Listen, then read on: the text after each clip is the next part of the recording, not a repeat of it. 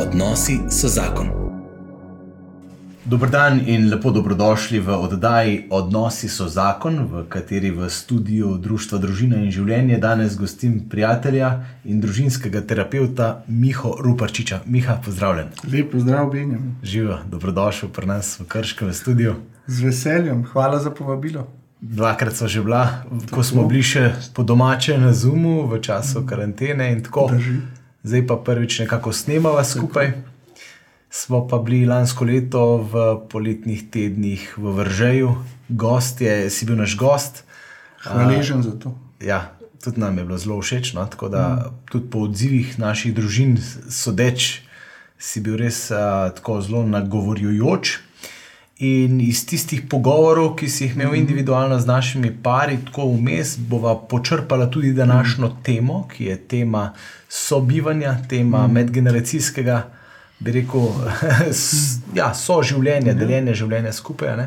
Predno pa se posvetiva temi, pa da je posvetiti tale čas uh, Bogu, ki nas je ustvaril in ki nas je poklical v bivanje v različnih generacijah, pa mu izročiva tale čas, ko bomo mi dva se pogovarjala in tudi čas, ko bodo najni gledalci gledali in poslušalci na kakšnem podkastu poslušali. V imenu Očeta in Sina in Svetega Duha. Amen. Amen. Dobri gospod, hvala ti za ta trenutek v najnih življenjih, hvala za ta trenutek te oddaje. Prosimo te, da v moči svojega svetega duha prideš nad naju in da nam daš pravih besed, pravih misli, pravih pot tem, o katerih se bova pogovarjala, da bi bilo to kar najbolj v pomoč vsem nam, ki gledamo in poslušamo. Po Kristusu našem Gospodu. Amen. Slava Očetu in Sinu in Svetemu Duhu. Kakor je bilo v začetku, tako zdaj in vse in vekomaj. Amen. Amen. V imenu Očeta in Sina in Svetega Duha. Amen. Amen. Miha, mene je v resnici pretreslo, ko si mi povedal, kako naše družine, se pravi, rečemo po domače, diževe, pari, ki se zbiramo v, okvir, v okviru družine in življenja.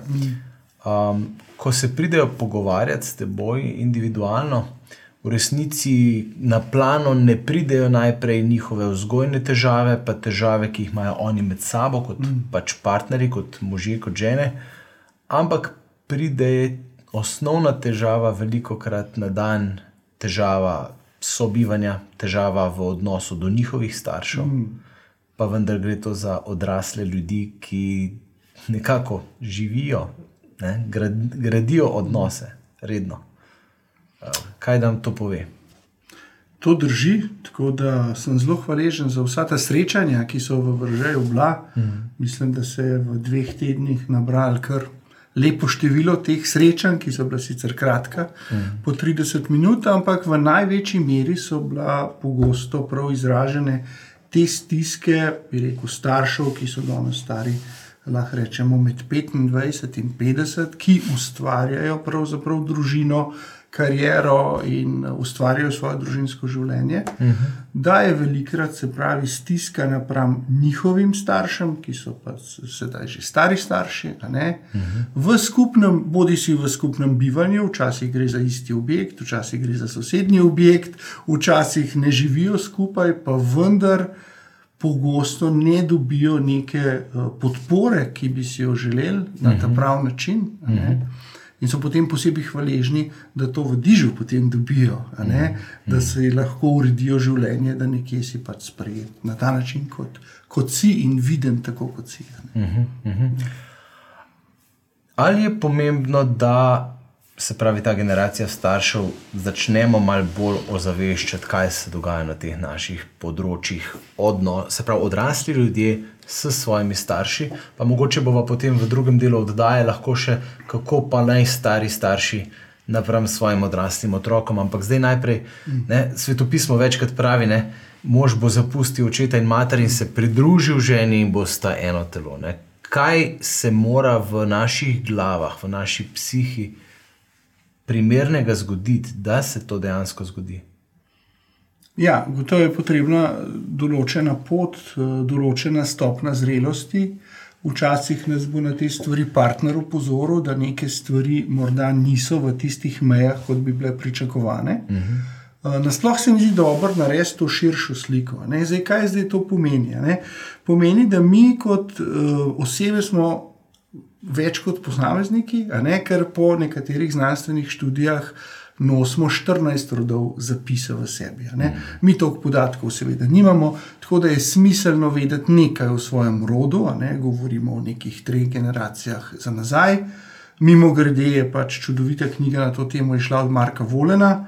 Uh, o teh medgeneracijskih prenosih, se pravi, zgodovina teh družinskih travm, ne, ki mhm. lahko včasih tudi določa nek tempo, uh, oziroma težko pojasnimo, včasih samo z sedanjostjo, neke stvari, ki se nam dogajajo. Mogoče na naslov lahko priporočamo. Uh, se pravi, podedovane družinske travme. Uh mhm. -huh. Se pravi, Mark Volem, podedovane družinske travme, založba Primus je to uh mhm. -huh. izdala, sem jim zelo hvaležen, uh mhm. -huh. ker je to res uh, na znanosti utemeljen način.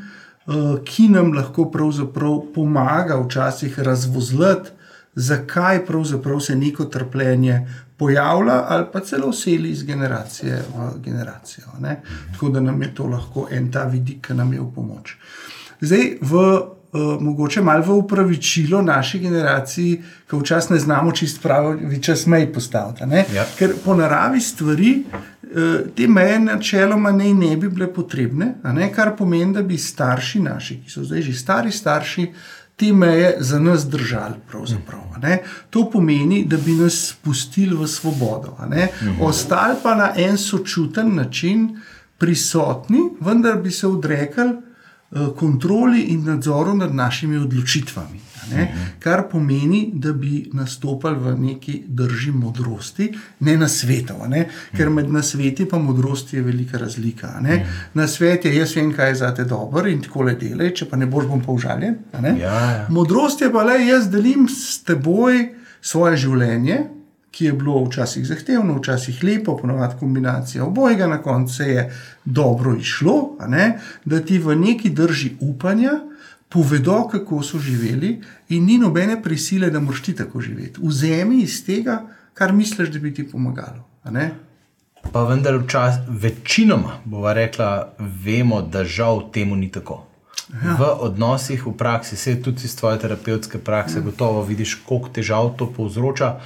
Kaj je v teh pač Se pravi, kako najti pravo mero nekega sočutja do prejšnjih generacij? Se spomnim tiste mm. vaje vržejo, ki smo jo naredili, ne, kjer smo stopili v čevlje mm. detka, ki je mm. preživel vojno, ne, in potem morda uh, očeta, ki je odraščal v neki povojnem pomankanju, in potem morda mene samega, ki sem bil tam generacija vem, 80-ih, 90-ih let, ne, 70-ih, ja. še marsikdo. Ne. Tako nekako. Uh, kako imeti primerno sočutje do tega za nazaj, mm. pa hkrati vedeti, da ni vse, kar znajo včasih zahtevati ja. v tem svojem manjku od mene, mm. fair in prav. Ja, sočutje je dobro. V tem smislu, da vemo, da te ljudje pogosto ne želijo nad slabega. Uh mhm. -huh. Se pravi, da govorijo o nekih svojih zgodbah, da govorijo o nekih svojih nerazrešenih vprašanjih, včasih travmah in tako dalje. Zato, da to razumemo, seveda lahko. Ne? Ampak jaz bi rekel, tudi meje so sočutje. Z mejo jaz drugemu ne dovolim, da greši, konc koncev. In mu to mejo jasno pokažem. Pri mejah pa kjerkoli izostanek ljubezni v našem otroštvu ali pa travme ne smejo biti razlog ne, uh -huh. za opravičevanje, da lahko pa nekdo meje prestopa. Ne. V načelu ne, si želimo, da bi druga stran, ne glede na to, kako je to težko za njo, meje spoštovala, ne, uh -huh. ker jih pa ne more, da si je pa dolžna nek podpor ali neko pomoč. Pravzaprav poiskati. Ne? Tako da meje v našem življenju so nujne, brez mej, pravzaprav ne vem, odkje od sem jaz, odkje od naprej je druga oseba. Ja, ja. Tako da postavljanje mej je del ljubezni, tudi svetopisemsko gledamo se na marsikakšnih točkah, bomo lahko noter ujeli razno razne meje, ja. ki jih je treba se prav postaviti. Ne, če se spomnim konc koncev Jezusa, ki je v templu tisto mejo postavil, ki je razbil tiste stojnice. Ne, prav, kaj ste naredili s hiše molitve? Ne? Ampak vidiš, glih to se tokrat prikrade v to postavljanje ali pa v uveljavljanje že postavljenih mej. Tista neka slaba vest, ali pa celo čist direktno očut, očitek. Ne? Ja, ja, ja glih v svetem pismu pa piše, da spoštuj očeta in mater. Ne? In mi ne znamo tega spoštovanja, Se pravi, spoštovanje razumemo samo kot neko tisto čisto totalno podrejanje, kjer mene več ni. Tisto bi naj bilo kao spoštovanje, pa ni res. Ne. Ja, eh, ta, eh, bi rekel, četrta božja zapoved ja. je bila pogosto zlorabljena. Ja. O njej je v neki okrožnici Janez Pavel II. tudi pisal, rekel, da spoštovanje otrok do staršev se začne pri spoštovanju staršev do otrok, prav, mm. ker če tega osnovnega spoštovanja ni, ne, mm. potem ta zapoved izveni, kot je dejal, če se prav spomnim, v moralni praznini. Se pravi, mm. veste, da bo starš pravzaprav otrok, vsak otrok ima nujno potrebo po spoštovanju staršev in trpi, ker se starši ne obnašajo tako, da bi jih lahko spoštoval. Se pravi, to je urojena naša potreba, da želimo imeti nekoga nad, nad nami. In bistvo, da pa mi lahko spoštujemo nekoga, je recimo, če bi znanstveno gledali v varni navezanosti. To, da poskrbi, da je odnos varen, to, da poskrbi, da smo mi v tem odnosu videni in da nas zna pomiriti, ker smo razburjeni. Če bomo mi to dobivali od nekoga, nekoga, ki je nad nami, od avtoritete ali pa v neki redovni skupnosti, od predstojnika, ne, rečeš, wow. Sej to je pa dobro reči tem ljudem. Hmm. Sej od njih pridem pomirjen, pridem na nek način z nekim novim uvidom. Ne? Hmm. Če pa prideš od njih naložen z več sramu, krivde, etc., pa rečeš, čakaj, prej sem imel en problem, zdaj imam pa dva. Ali boš imel en problem? Hmm. Pa ne grem več tja. Pa si ne? moram to dejansko tudi dopustiti. Včasih je treba dejansko iti v en proces žalovanja, mm -hmm. da starši morda ne bodo mogli zadovoljiti tega mojega krepenja, ki je normalno, ki je naravno. Mm -hmm. In bo treba, ali pa samo v neki meri, ali pa v nekem segmentu, bojo zmogli v nekem ne. ne? -hmm. In tam bo na neki točki verjetno treba iti v proces žalovanja, da odžaluješ to, česar ni, ja. ali pa nikoli celo nikoli ni bilo. Ampak je proces, da se temu krepenju na nek način odpoveš, se čisto odpoveš, samo ne, ampak da sprejmeš, da starši zelo verjetno bojo tako, kot so, več toliko zmorejo, več ne.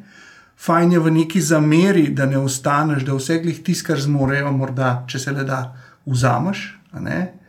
Ostale ostale svoje hrepenenje, glih tane, da si v varnih odnosih, da si viden, da si razumljen, mm -hmm. da si nekako validiran, kot rečemo, in tako naprej.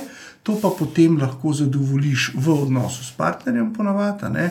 lahko še s kakšno drugo odraslo osebo. Pa da tudi na nek način sam sebi začneš postati dober starš, hmm. kar pomeni, da prepoznaš neke svoje potrebe, ki jih imaš, in si daš dovoljenje, da jih pravzaprav živiš. Uh -huh. In mislim, da je to potem tudi. Uh, se lahko soočaš s tem, uh, kar si rekel, ne, s temi občutki krivde, ki jih lahko starejši naložijo, neprimernosti. Ne, ker odzivi na meje so lahko zelo različni. Ne, in mnogi dolgo let klonejo ne, pod pritiskom krivde ali neke manipulacije. Ali tega, ne.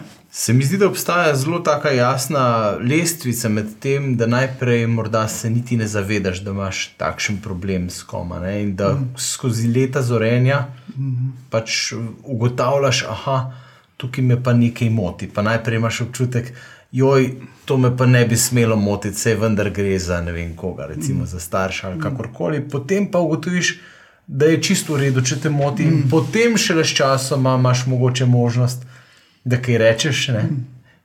pa se ob tem mogoče še vedno na robe počutiš.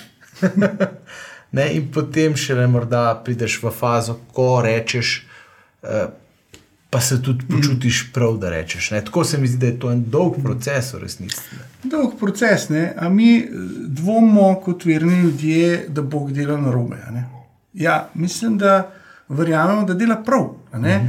In za otroka je enaka vera, ker smo mi kot starši predstavniki Boga, da otrok gleda starša in starš dela prav. Mhm. Mhm. In ko starš, žal, v svoji človeški omejenosti uh, ne dela prav, ne, mhm. rab, rabaš kar velik, ne, ponavadi prijeti v odraslo dobo, da rečeš, da tole pa ni bilo v redu. Ja. In rečeš, ok, razumem, je bilo tako življenje. Uh, so bile take možnosti, in tako naprej. Ampak jaz moram narediti to, ta obračun, znanstveno bi rekel, koherentno zgodbo svojega otroštva, uh mhm. -huh. da zmorem videti, kaj moj oče ni dal, pa kaj moja mama nista dala. Uh mhm. -huh. Zakaj je to važno? Važen je zato, ker uh, da pridem v stik s tem, pa ne da bi jim zameril, pa šimfal tam probamo iti v neko pot vedno odpuščanja, uh mhm. -huh. hvaležnosti za to, kar so dal, pa odpuščanja, kar niso dal. Ampak to, kar niso dal, je odgovor, kaj v sedanjosti rabi moj partner, pa moj mhm, otrok, pa tudi jaz sam. In tukaj je včasih občutek krivde, da pravzaprav kot ne bi smel pogledati v to, da kaj niso dali. Točno to. to. In ta občutek krivde je tisti, ki nima nobene zveze z krščanstvom, z ničemer, ne? ker mhm. je za vse jasno, resnica vas bo osvobodila. Ne? ne prikrivanje, ne skrivanje, ne manipuliranje, resnica. Pa ne malikovanje ljudi. Ne? In tukaj vidim, Točno. da je recimo to se mi zdi, ko pač spremljam tudi te zgodbe mm -hmm. ljudi, parov in tako. Kadar gre za to oklepanje, te idealizirane no. podobe staršev, hm. tukaj vidim, da je to en velik, velik vir konfliktov med pari ne? in celo, celo žal tudi ločitev. Se pravi, kjer pač eden od partnerjev ni zapustil očeta in matere, se pravi, ni zapustil te njihove primarne idealizirane podobe se trudi na vsak način to ohranjati, drugi vidi to, ga bocka, ga musitnari okrog tega ne, in potem se odloči ne. ne. Ja, eh, seveda je v osnovi so starši tega partnerja na nek način odgovorni, da ta otrok ne gre. Ne? Ker uh, v božjem načrtu je en silen načrt, ne? da bolj je otrok navezan na starše bolj bo samostojen kot odrasel. A, kot otrok, gre za paradoks. Gre za paradoks Se pravi, gre za obdobje do odhoda od doma, seveda je navezanost dvoletnika drugačna kot 18-letnika. Uh -huh. Kje se to zgodi, je tudi malo kulturološko pogojeno, recimo v Ameriki nekoliko prej, ampak grejo tam eh, recimo na količe, kjer imajo kljub vsemu, kar veliko odraslih oseb, ki skrbijo za njih, pa tam, ne, na mestu staršev. Ne. Tako da to varna navezanost, se pravi, bolj bo otrok navezan na svoje starše, ne, celo doživel v času otroštva odvisen, bolj bo neodvisen kot odrasel. To je paradoks, wow. ker mi imamo uh, velikrat triletnike že zelo čestimo njihovo samostojnost, ne, potem najstnikom jo malo zaviramo, kar še enega 30-letnika imamo na kavču doma, kaj zdaj ne funkcionira. Ne.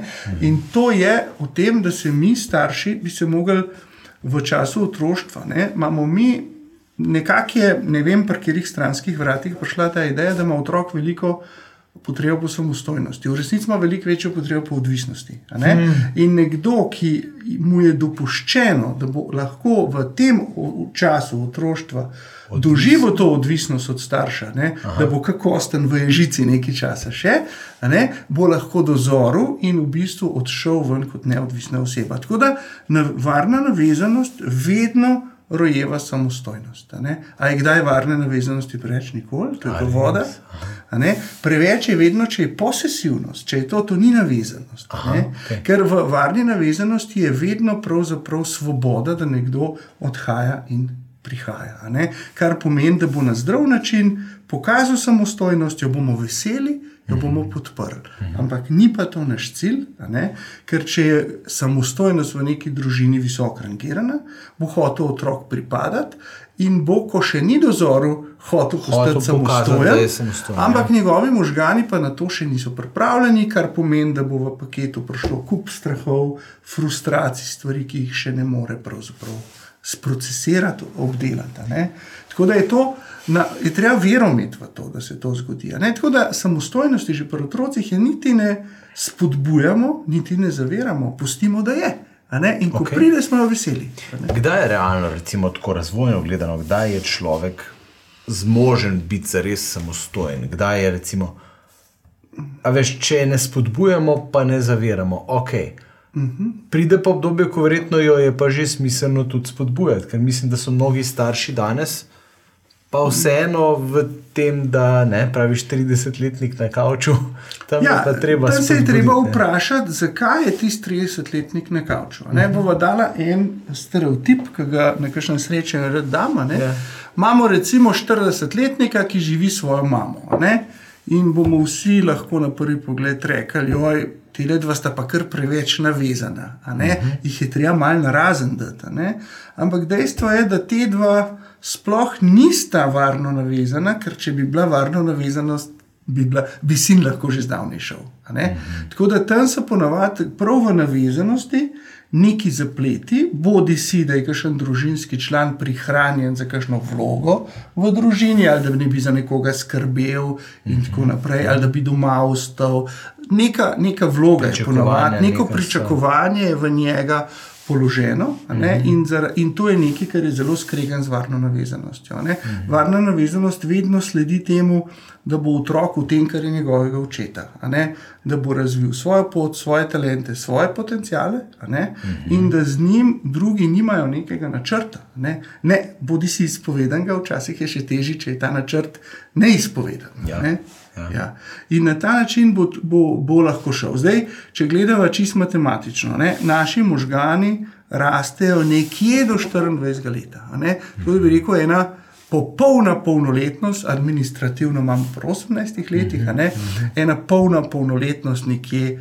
Je pri 24 letih. ne. Seveda je otrok lahko že bistveno prej samostojen, lahko je že takrat nekje v tujini, ampak do takrat ni narobe, če dobi nek čustven podpor. Uh -huh. Se pravi, varna navezanost pomeni, da se v tem odnosu starši počutijo varnega, da je ta odnos brezpogojen, da užaljenost v tem odnosu, kakšna starševska nima kaj iskati. Uh -huh. Potem, da, otro, da starši izostrijo pogled, da mu probajo videti tega otroka tako, kot on je, ne tako, kot naj bi bil.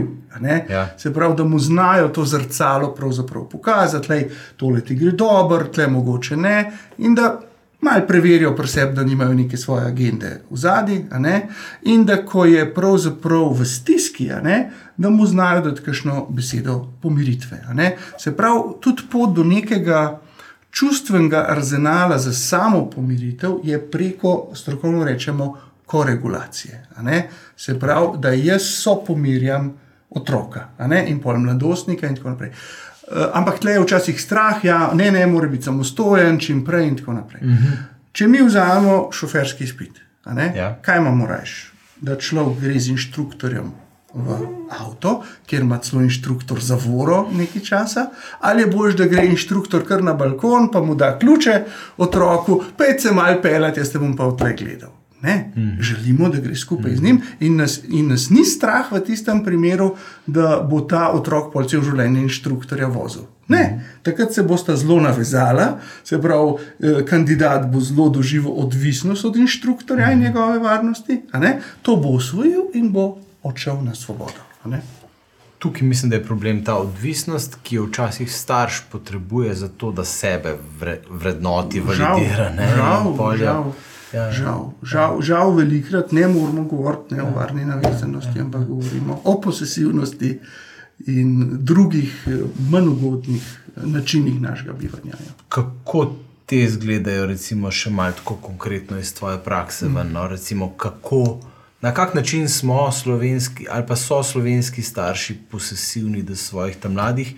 In recimo, prej smo govorili o, o dodatnem stopnišču ali pa kakorkoli, na kakšne načine potem Uh, se zavedajo mladi teh težav, jih rešujejo, ker mislim, da večina, kolikor jaz pač spremljam situacijo, marsi, marsikdo se tega sploh še niti ne zaveda. Noter so predvsem opaziš, da ni svobode. a ne, Ja. Kar pomeni, da imajo recimo starši načrt, kje bo otrok živel, čisto preprosto. Ne? A bo živel v prizidku, nadzidku, ali sploh ne more tam razmišljati. Ne? Se pravi, ugotoviš, da recimo že samim bivanjem mladega človeka ali pa para ni neke svobode. Ne? Da imajo starši idejo o tem, kje bi bilo najboljše. Uh, mi si želimo, da starši pristopijo do svojega otroka, le kje bi rad živel in ki te lahko podpremo.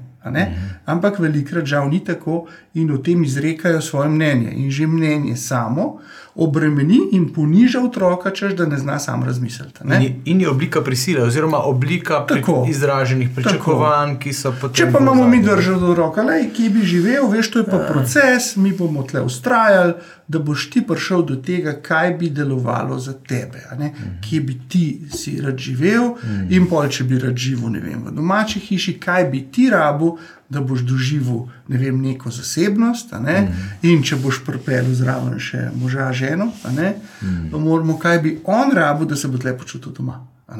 Da bo pustil svoj pečat, da bo, da bo tako. To, to, so, to je stil pogovorov, kjer recimo iščeš o tem neko otrokovo resnico, ne nek lasten interes. Ne. Ker recimo dr. Perko, starejši Ja, Andrej, ne, ja. pravi, je kar radikalen, ne prav 100 km zračne razdalje, ne, ampak mm -hmm. dejansko tudi ta zračna razdalja ali pa razdalja fizična ne pomeni nujno svobode. Ne. Po mojem mnenju ne, ne, ker so lahko ljudje, dve generacije živite v istem stanovanju, pa sta zelo razmejene, lahko pa za, zamenjajo kontinent, pa ohranijo starši nadzor po telefonu ali pa prek vseh teh. Tako da jaz verjamem, da je samo čustvena razmejitev, mi imenujemo ta čustven odhod od doma, v, po naravi stvari te ob tem čustvenem odhodu starši posprebijo v svet, ki vejo, da je to do neke mere tudi zahteven proces in razumejo, da potrebuješ svobodo. Če pa te podpore staršev ni, ne, potem bo zelo dragocena podpora partnerja, ne, da izvedeš ta odhod. Verjetno bo tebe vedno zanimalo, in kaj če ga ta partner ne naredi. Ne. Ja.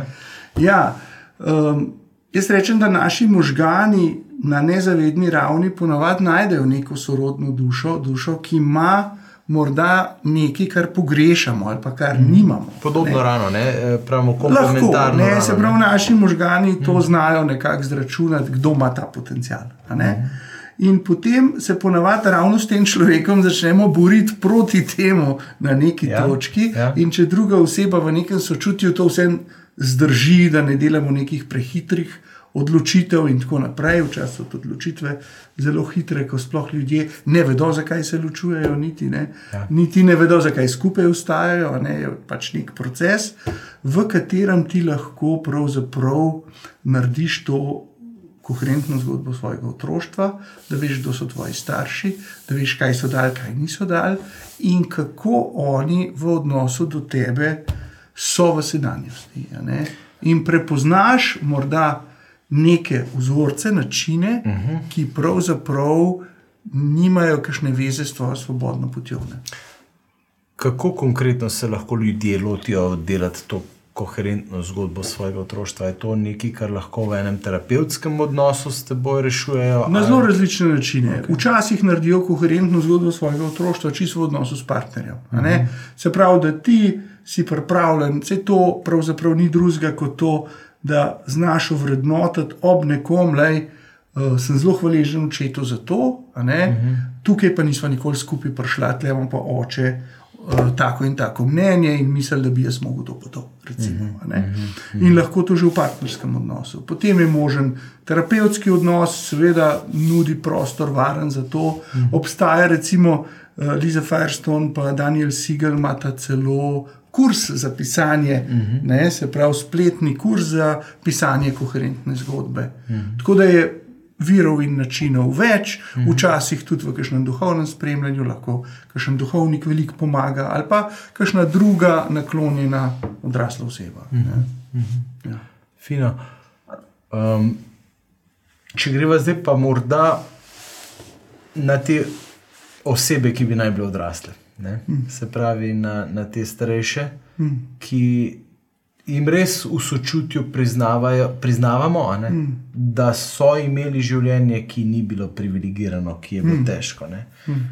Pa vendar to težko življenje večkrat postane izgovor res za neko, za neko travmo, ki se pač potem izživlja nad naslednjimi generacijami, mm. pa to ni ok. Ne? Ja, meni je tako uh, en lik, recimo pokojnega akademika, pisatelja Borisa Pahorja, ki je živel do 109. leta mm -hmm. in je v življenju ogromno pretrpel. Mm -hmm.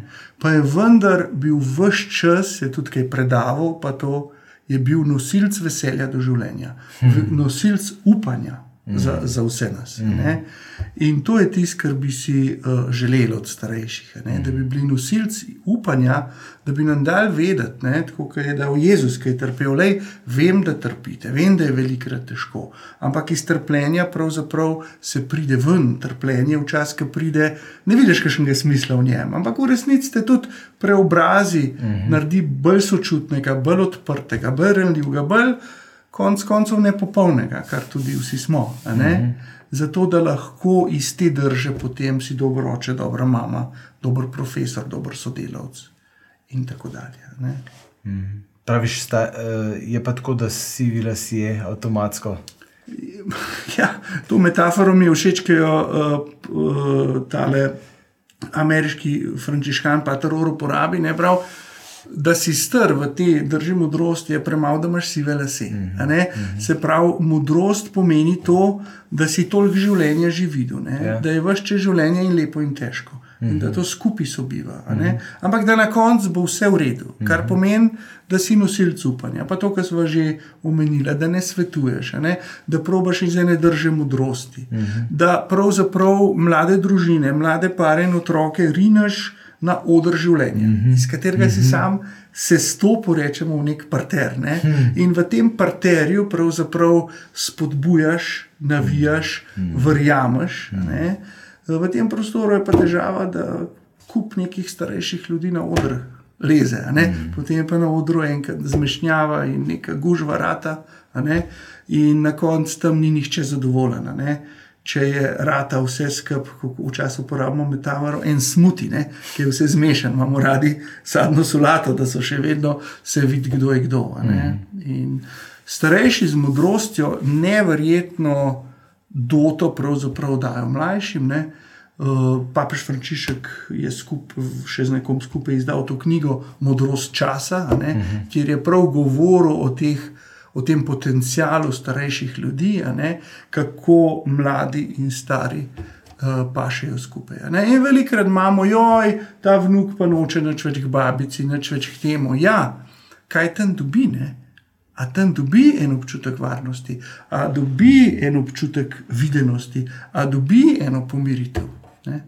Ali mu rečejo, joj, ti pa sami igrce igraš. Ja, ja, ja. Odvisno, kaj dobiš. Ne? Tako da stari, starejši in mlajši zelo, zelo skupaj sodijo, mm -hmm. če lahko starejši svojo razvojno vlogo odigrajo s tem svojo modrostjo, pomirjanjem.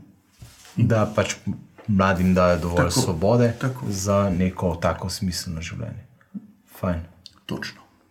Um, všeč mi je to, ker v resnici daje eno tako upanje. No? Se mi zdi tudi. Um, pač, ko bereš kakšno literaturo, ne, pa je to v Ameriki napisano, pa vidiš, da so ti odnosi lahko težki za nje, že samo tisti par dni ob božičnih praznikih.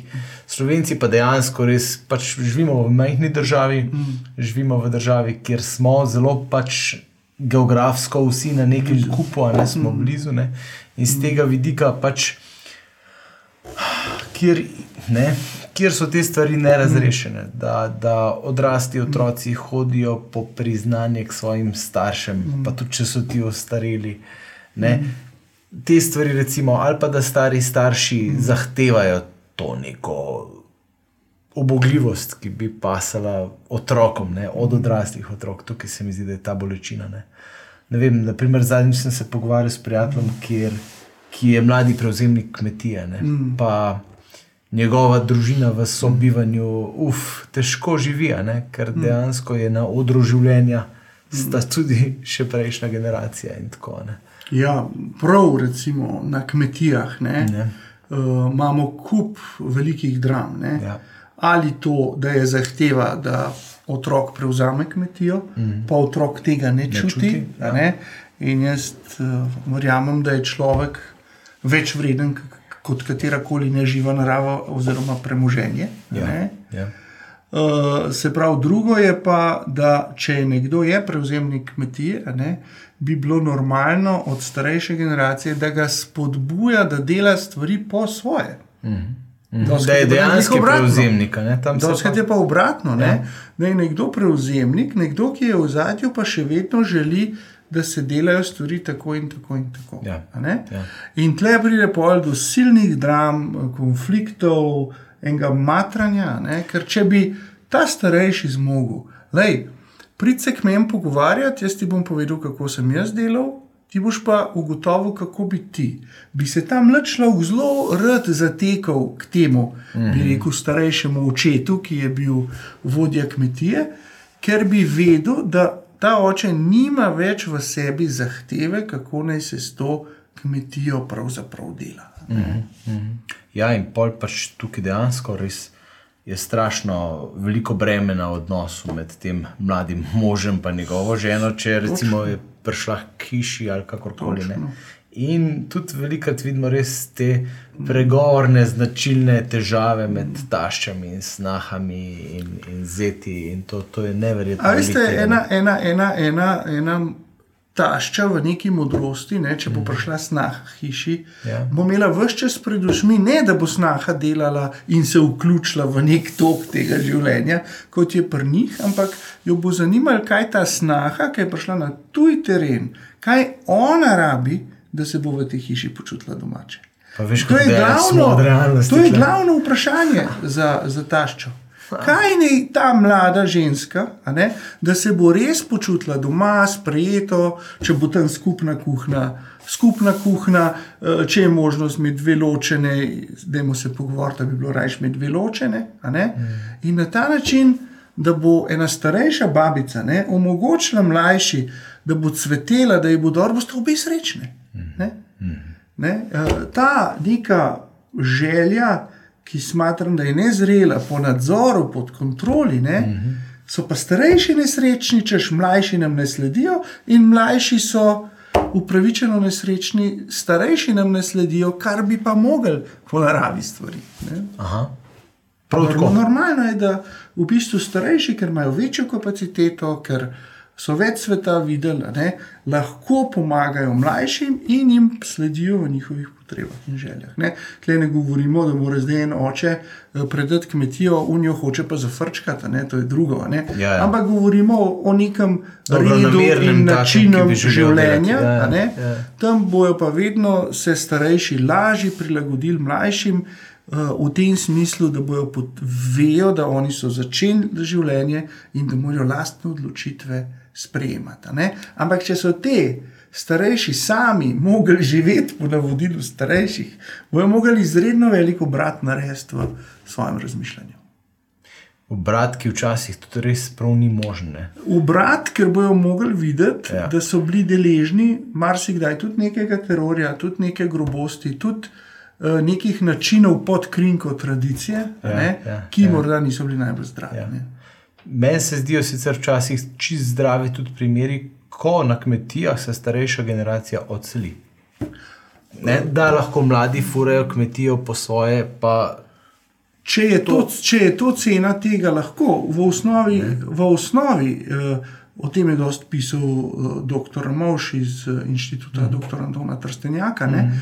V osnovi lahko tudi večgeneracijske hiše zelo, zelo dobro sobivajo. Ja, ja. Če starejši ostanejo v drži modrosti, mm. spustijo kontrolo in nadzor, so v drži tolažbe, sprejemanja, pomirjanja, mm -hmm. od tega ima mlajša generacija samo lahko samo korist. korist ja, ja. In če to starejšo to razveseljuje, ne, mm. v smislu, mi smo radi tle v drži dedka, babice, da vas pomirimo, pa imate vi kakšne svoje uh, orožne vaje, take in drugačne, pridite sem, vam bomo en čaj naredili.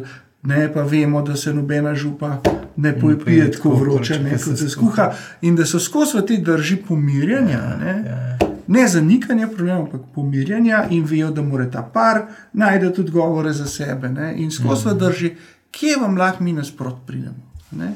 Ja. Veliko so starejši, žal, v drži, da hočejo, kot bi hoteli oni od življenja še nekaj izterjati. Ja. Oni bi ja. rabili neko naklonjenost, oni bi rabili, da se njim sledi. Priznanje. Razumemo, ne, ampak to za neko zrelostjo nima kakšne posebne zveze. Ne. Ne, to so tako pomembne stvari, ker v resnici se mi zdi, da ogromen del slovenske družinske scene, tragediji izvira mm. iz tukaj. Ne? Mislim, moj bog, zdaj smo imeli vse te primere teh umorov. Ja, in, in celo več primerov umorov, mam, in tako naprej. Si misliš, kako iz takih okoliščin ven pride to, Strašno. da o samem alkoholizmu, ki je prevladujoč, sploh ne govorimo? Strašno in teh dogodkov, seveda. Morda jih lahko probujemo razumeti, upravičiti nasilje, nikoli ne moramo, ne glede na to, ja. odkje pride. Ja. Velikrat se zgodi, da otrok kaže neke znake, znake tudi duševne bolezni, mm. ki se ne prepoznajo. Ne.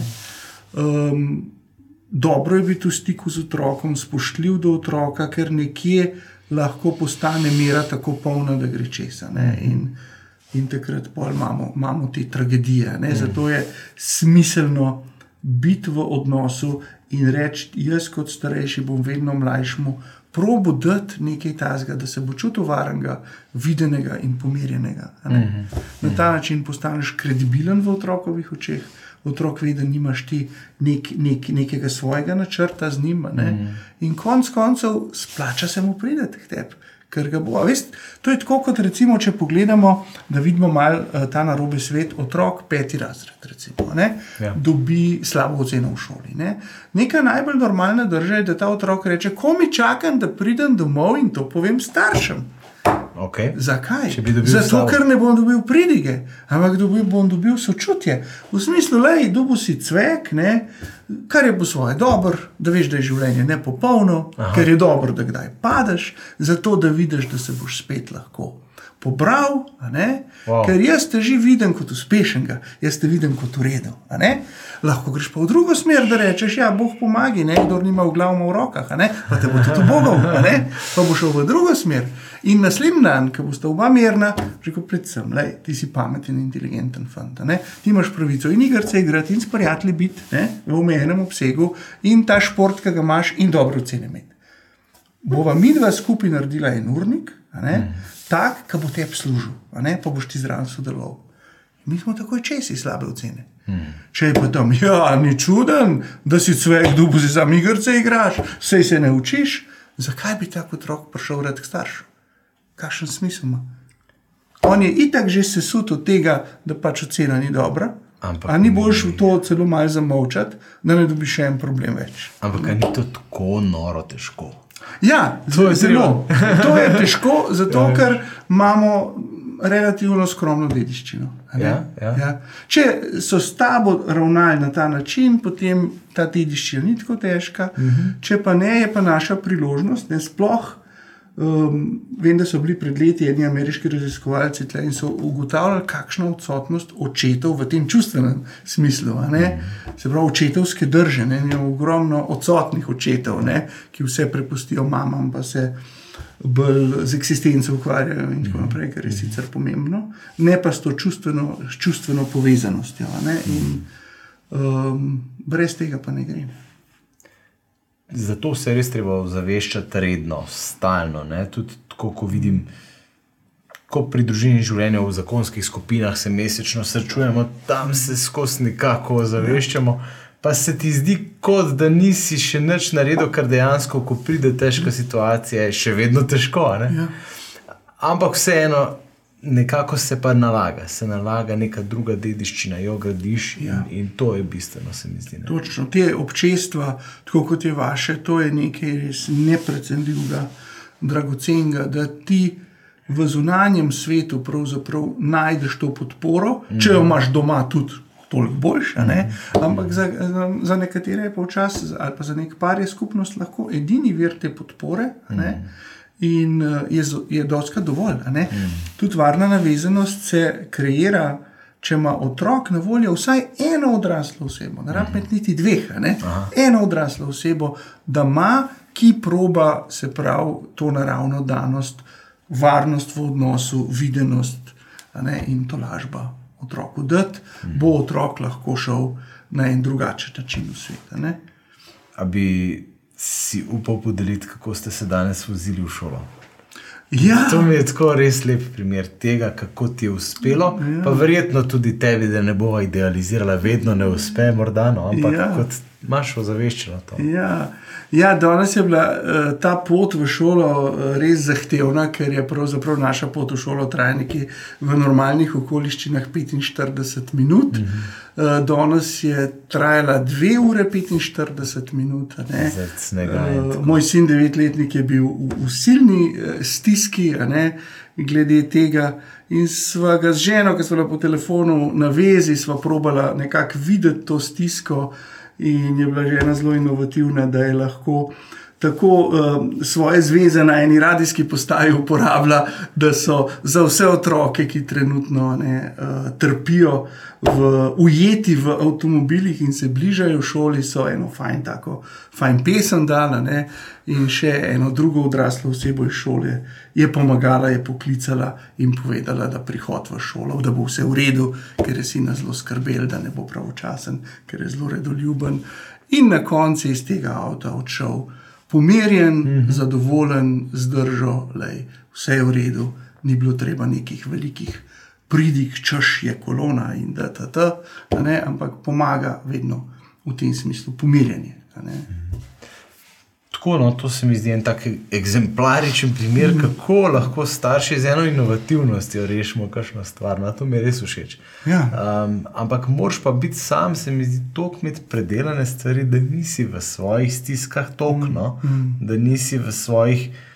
Um, tako se mi zdi, da starši smo prevečkrat no, v procesu predelovanja nekih svojih stvari. Mm.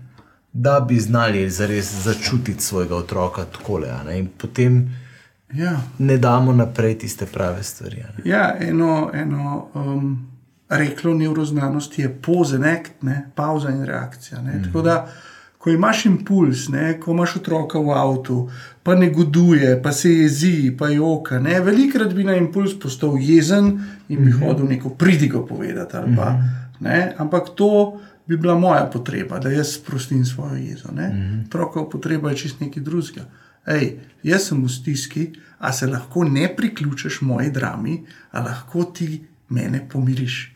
Kar pomeni, da moram jaz pač čist neko drugo držo zauzeti. Mm -hmm. In to drugo držo bom zauzel, če bom lahko tudi jaz šel tok v svoje otroštvo, da bom morda videl, da marsikdaj jaz tega nisem dobil. a ne. In ker tega nisem dobil, in če bom to ozavestil, bom lahko jaz dal to svojemu otroku. ne. Če tega nisem dobil in je prav, da nisem dobil in to tako se dela, bo šlo pa, kot rečemo, copy-paste. a ne. Gre pa potem to isto. Tako da imaš vedno te dve poti. Ne? Ja. In doskrat je pot ali je pot pridige ali je pot pomirjanja. In jaz pravim, pot pomirjanja je načeloma prava, pridiga pa včasih, ko smo že vsi mirni. ne. Ampak v času razburjenosti pa pridiga je tako, kot bi ogreval hišo brez okna. v hišo, presoken, dobro, dobro. Um, Deva za zaključek počasi. Mečkino še o teh hišah, res ne.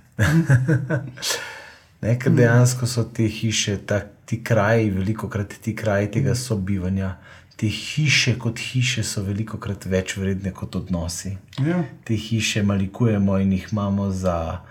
Pač dejansko ljudje so vlagali v svoj trud in delo v neko stavbo, v neko hmm. nepremičnino. Hvala Bogu, da jih Slovenci imamo, vendar le, ne, to nam daje neko osnovo, hmm. neke ekonomske, kaj pa vem, neke neodvisnosti, morda do neke mere, ne, sploh če je zraven še kakšen vrtiček pomaga, hmm. lahko. Ne, uh, pa morda zna v krizi še prav prideti, ampak vseeno. Um, se jo postavlja na preveliko mesto. Ne? Se pravi, se jo, se jo malikuje, se odnos postavlja. Pač vse se lahko malo pono, ponoviva, da povzameva to, o čemer smo govorili. No. Ja, nasploh je to del ene širše teme, da smo mi postali družba rezultata. Ja. Kar pomeni, da je naš rezultat, se pravi, koliko smo solate predelali, pa če je še boljša, kot sosedova, to boljša. Ne? Koliko smo hiš naredili, koliko smo projektov naredili, koliko smo tega. Ne? Se pravi, v izložbo, predvsem, radi damo, dr. Neufeld pravi, da smo outcome society. Ne? Se pravi, ni več vredna oseba, ne? ampak so vredni njeni izdelki. Ja. In pravimo tle korak nazaj, da, da tudi uh, so zelo vprašljiva ta, recimo, darila na koncu šolskega leta, recimo, in tako naprej. Ne? Ker v bistvu potem ti stimuliraš skozi na rezultate. In v šoli imamo doskrat lovce na ocene, ne? kar pomeni, da lahko ta otrok čist prezre vsebino. Ne? Ampak je važno, sam, da bo pet na koncu. Ne? ne pa to, ni na robe, da ima vse peta. Ne? Ampak je važno, da probamo. Brene Brown pravi, da je človek ti si vreden samo zato, ker ti je ime Benjamin in Miha, to je že dovolj. Ne, mm. ne kaj še vse moraš v izložbo. No, in to se mi zdi, se povezuje s to sliko uh, nepremičnin in vsega tega, mm -hmm. Ki smo jo pripeljali zelo tako daleč, da dom pomeni zgradba. Ja, ja. Dom, uh, zgradba je pomembna, ekonomska neodvisnost je pomembna. To so vse pomembne stvari. Ja. Ne bomo zanemarili, ampak dom so odnosi. Dom sta tam, kjer sta oče, mama in otroci, hmm. ki se lahko odločijo jutri, da bodo šli za pet let na Novo Zelandijo. Ovce strišta, ne, če bo tako življenje narekovalo in bo tam njihov dom. Se pravi, oni so dom, ta družina je dom in ja. otroci ne pripadajo odnosom, ne zgradbi. Ne? Seveda je zgradba tudi pomembna in nam lahko neko zatočišče uh, nudi, čisto fizično in ekonomsko, in tako dalje. Ampak, tako kot si rekel, ne, potrebuje pa, da se jo umesti v te statuse.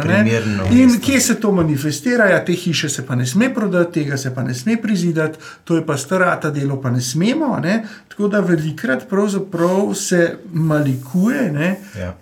Hišo ali dele hiše, ne, da si ne morejo ljudje v sedanjosti urediti življenja. Malikuje se mi zdi, da se tudi neko idealizirano preteklost, ne? ker spomin pravijo, da je selektivni, za nazaj ja. se spomnimo samo ta lepih mm -hmm. stvari. Mm -hmm. In morda ne vem, starši, ki ne pustijo svojim tam mladim idealizirati, pač prezidati hiše po ja. svoje malikujejo čas, ko je bilo pa kao, vse v redu, čeprav verjetno tudi to ni bilo. Nekje sem prebral, da to je že od antike poznamo, ne, da govorimo, kako je mladina danes problematična, kako so ja, bili stari cajt boljša.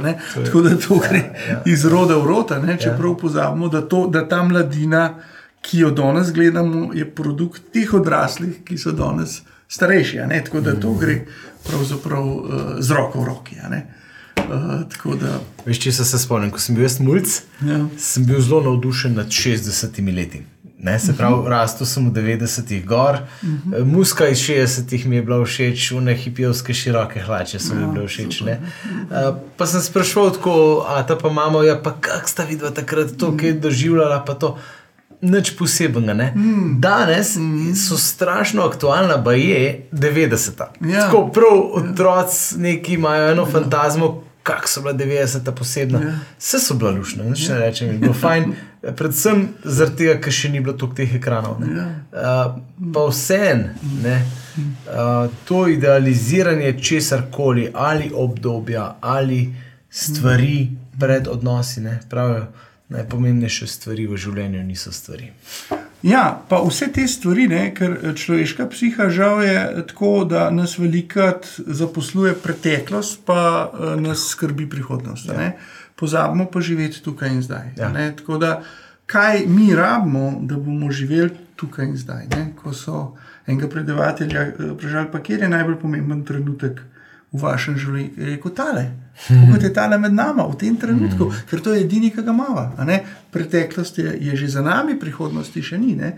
Tako da uh, to se mi zdi tudi en poseben poudarek, ne? življenje v sedanjem trenutku. Ker mm. v tem hitrem svetu dejansko imajo ljudje občutek, da življenje beži stran mm. in da ga sploh ne živijo, da samo klukajo določene uh, obveznosti.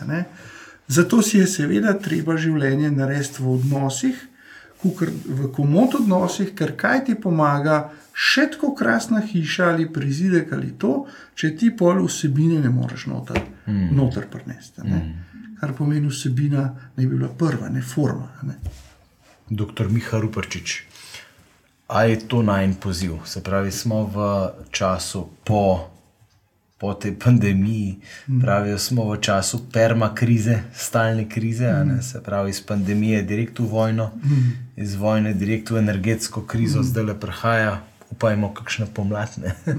Um, pa še vedno je negotova, ne vemo, kaj prinaša. In tako se mi zdi, da je ogromno enega ene jeze, enega zatekanja v razno razne idealizacije tega ali onega. Ne? Se pravi, mm. ali neke ideje, ali nekega sistema, ali nekega časa. Ne? Um, kako bova pozvala k tej gradni odnosov in k temu primatu še enkrat? Mi smo v božičnem času, ne? še vedno. Še vedno ne? ja. In tukaj imamo en simbol za vse večne čase. Ne? To je simbol jaslic, ne? simbol Jezus, Marija, Jožef. a ne. In tudi psihologi radi to metaforo nasploh uporabljajo. To ni promocija revščine, ampak če sta Jožef, Marija, ne, uh, pa Jezus v redu, če, so, on- če je med njimi ljubezen, pomeni, da zunanje okoliščine niso več tako pomembne.